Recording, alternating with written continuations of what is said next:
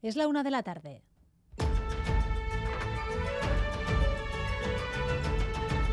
Crónica de Euskadi con María Cereceda. Arracha León a 48 horas de la salida del Tour desde Bilbao y presentación de los equipos en la explanada del Guggenheim. Todos están ya instalados aquí. El tiempo no acompaña, pero la afición podrá ver ya esta tarde a los ciclistas recorriendo unos kilómetros en torno al Palacio Euskalduna. Hay muchas ganas en la calle Xavier Madariaga, Arracha León.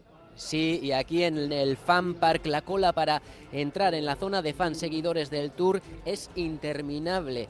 Aquí esperaban desde bastante antes de abrirse las puertas, todas con muchas ganas de tour. El Arenal Bilbaíno está mm, ya tomado por el amarillo de la Ronda Gala. Este es uno de los epicentros del terremoto tour. El otro, en torno al Guggenheim, lo decías, donde todo está listo ya para la presentación de los corredores. Allí las puertas se abren pasadas las 4 de la tarde. En una hora comienzan los cortes de tráfico en el entorno a la explanada de San Mamés. Enseguida se los detallamos. La subida de precio ronda su mínimo histórico en dos años. Hoy hemos conocido el, el dato adelantado del IPC del mes de junio y no llega a los dos puntos, 1,9 el año pasado por estas fechas, estaba por encima del 10%, Irache Ruiz. Sí, los precios se han moderado más de un punto en junio, caen hasta el 1,9% a niveles de hace casi dos años. Gasolinas, electricidad y alimentos fueron los encargados de aliviar los precios. A la espera de los datos definitivos, los expertos hablan ya del efecto escalón del IPC, porque fue precisamente en junio del año pasado cuando la tasa interanual anotó una subida del 10,2%, la cota más alta de los últimos casi 40 años. Laboral Cucha mejora considerablemente sus previsiones de crecimiento de la economía para este año. En este contexto, hasta un 1,7% en la comunidad autónoma, un 1,5% en Navarra, un, en un escenario de cierta incertidumbre. El sector servicios es el que tira ahora mismo de la economía. Y las Juntas Generales de Álava y de Guipúzcoa eligen hoy a las personas encargadas de comandar la institución los próximos cuatro años. Ramiro González en Álava y, salvo sorpresa, Ider Mendoza en Guipúzcoa ocuparán esos puestos. La votación será por la tarde, pero ambos han defendido ya sus proyectos en los discursos de esta mañana proteger e impulsar la industria y los puestos de trabajo de Guipúzcoa, seguir mejorando continuamente nuestro sistema de protección social y construir un futuro cada vez más verde. El diálogo y el acuerdo van a ser más necesarios que nunca. Es cierto, hemos perdido el apoyo de una parte de la ciudadanía y por ello el Gobierno foral no va a disponer de mayoría absoluta y va a necesitar acordar al menos con otra formación política.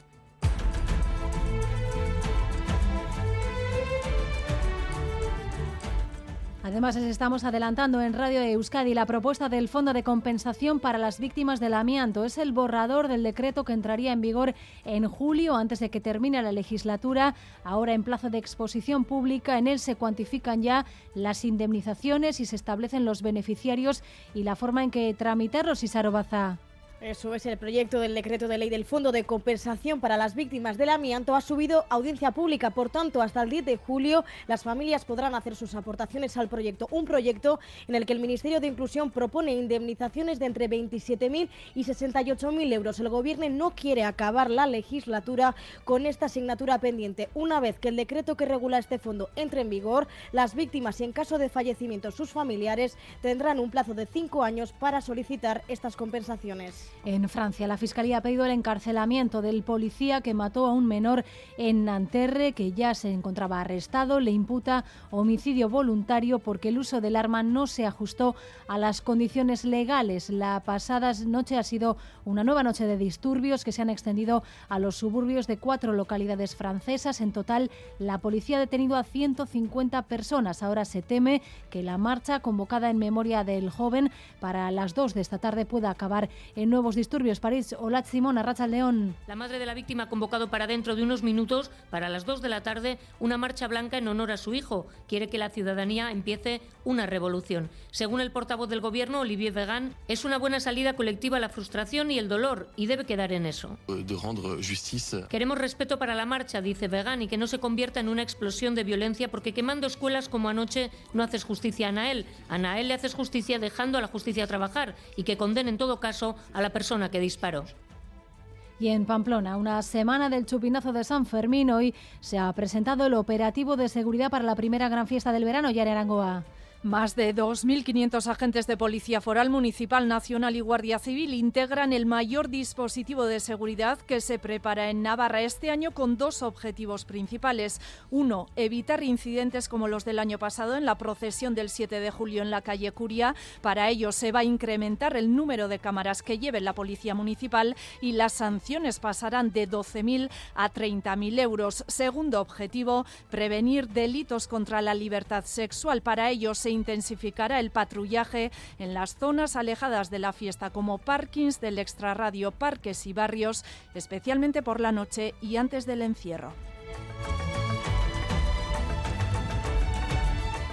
El Museo Valenciaga ha presentado su nueva exposición, Josep Font, Belleza e Inquietud. El prestigioso diseñador catalán muestra 20 años de producción y en su evolución se constata la influencia de Cristóbal Valenciaga desde una perspectiva propia. Conocidas modelos y actrices han vestido sus diseños. Josep Font aporta su mirada personal dotada de una perfección técnica que se refleja en las 54 piezas que se exponen en el museo creadas para la alta costura y el pret-à-porter. El museo inaugura así una nueva línea expositiva que explorará la influencia, de Valenciaga en la moda actual.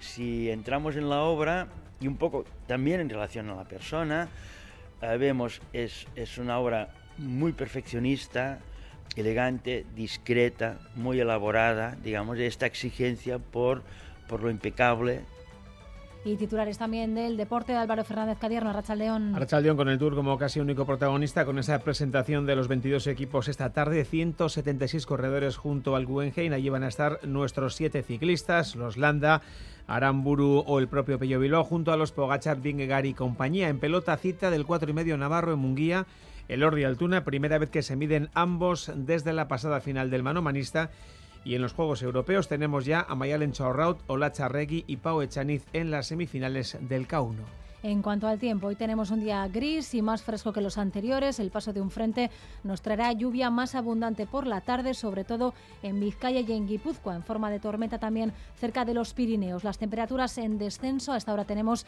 21 grados en Bilbao y en Iruña, 22 en Gasteiz y en Donostia y 23 grados en Bayona. Gracias por elegir Radio Euskadi y Radio Vitoria para informarse.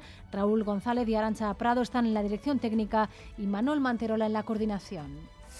Crónica de Euskadi con María Cereceda.